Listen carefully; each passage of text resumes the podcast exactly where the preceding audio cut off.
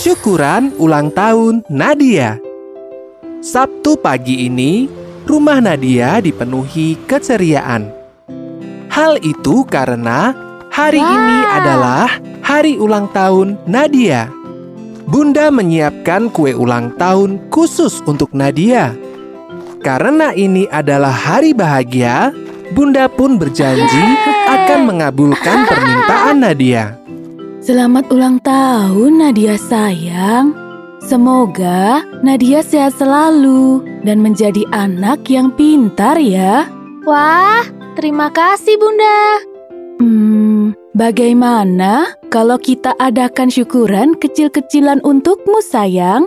Benarkah Bunda? Bolehkah aku mengundang Indra, Donita, dan Okto? Mereka sahabat-sahabat terbaikku. Tentu saja boleh. Nanti kita buat acara makan bersama saja. Ide bagus Bunda. Nanti Nadia akan bantu Bunda ya. Baiklah, semangat Nadia. Semangat juga Bunda. Keesokan harinya, Nadia tampak merenung. Ia seperti sedang memikirkan sesuatu. Hmm, bingung. Tiba-tiba, pintu kamar Nadia dibuka oleh Bunda. Nadia sayang, Iya Bunda. ayo kita makan siang dulu. Bunda sudah memasak sup matahari kesukaanmu. Sebentar lagi ya Bunda. Nadia sedang memikirkan sesuatu. Memikirkan apa Nadia sayang? Katakanlah. Siapa tahu Bunda dapat membantu. Tentang makanan yang nanti disajikan buat teman-teman Bunda. Aku bingung. Loh, apa yang membuat Nadia bingung? Teman-teman Nadia berasal dari daerah yang berbeda-beda. Nadia khawatir mereka tidak suka sama masakan kita, Bunda. Bunda kira apa? Hmm, bagaimana kalau Nadia tanyakan ke teman-teman? Mereka suka masakan apa? Nanti Bunda masak khusus untuk syukuran ulang tahunmu. Ide yang bagus, Bunda. Bunda memang ibu yang paling cemerlang. Duh, ada-ada saja putri Bunda satu ini. Keesokan harinya, di sekolah, Nadia memberikan undangan syukuran kecil-kecilan kepada teman-temannya. Kalian semua harus datang ke syukuranku ya. Tidak boleh bolos. Emangnya ini les? Kami pasti hadir, Nadia. Terima kasih ya undangannya. Oh iya, Bunda pesan kalian ingin dimasakan apa oleh Bunda di syukuran ulang tahunku. Wah, apa saja boleh. Asal tidak merepotkan bundamu. Iya benar.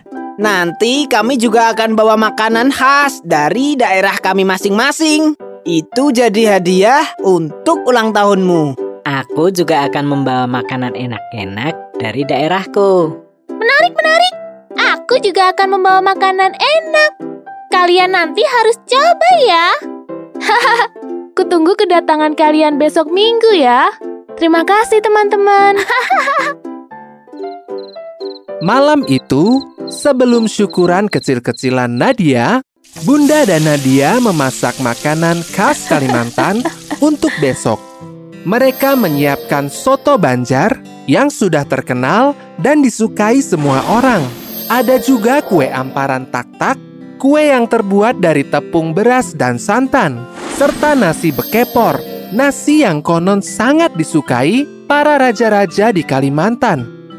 Lezat sekali, Bunda. Mereka semua pasti suka. Teman-teman Nadia Hmm. juga menyiapkan makanan khas daerahnya masing-masing. Mereka tak sabar menanti datangnya hari esok, hari untuk berbagi makanan khas dari daerah mereka masing-masing. Akhirnya, hari syukuran perayaan itu pun tiba. Indra yang berasal dari Jawa membawa makanan khas Jawa seperti kutu ayu, geduk, hingga nagasari. Okto membawa papeda, ikan bakar manokwari, sagu lempeng, dan keripik keladi yang merupakan makanan khas dari Papua. Sementara itu, Donita membawa makanan Tiongkok seperti dimsum, cakwe, kue keranjang, dan masih banyak lainnya. Mereka senang sekali melihat banyaknya makanan berbeda dan unik-unik. Wow, lihatlah semua makanan ini. Ayo kita habiskan semuanya. Sabar, semua pasti kebagian. Donita, aku coba makan dimsummu ya. Boleh saja. Aku juga ingin mencoba sagu lempengmu.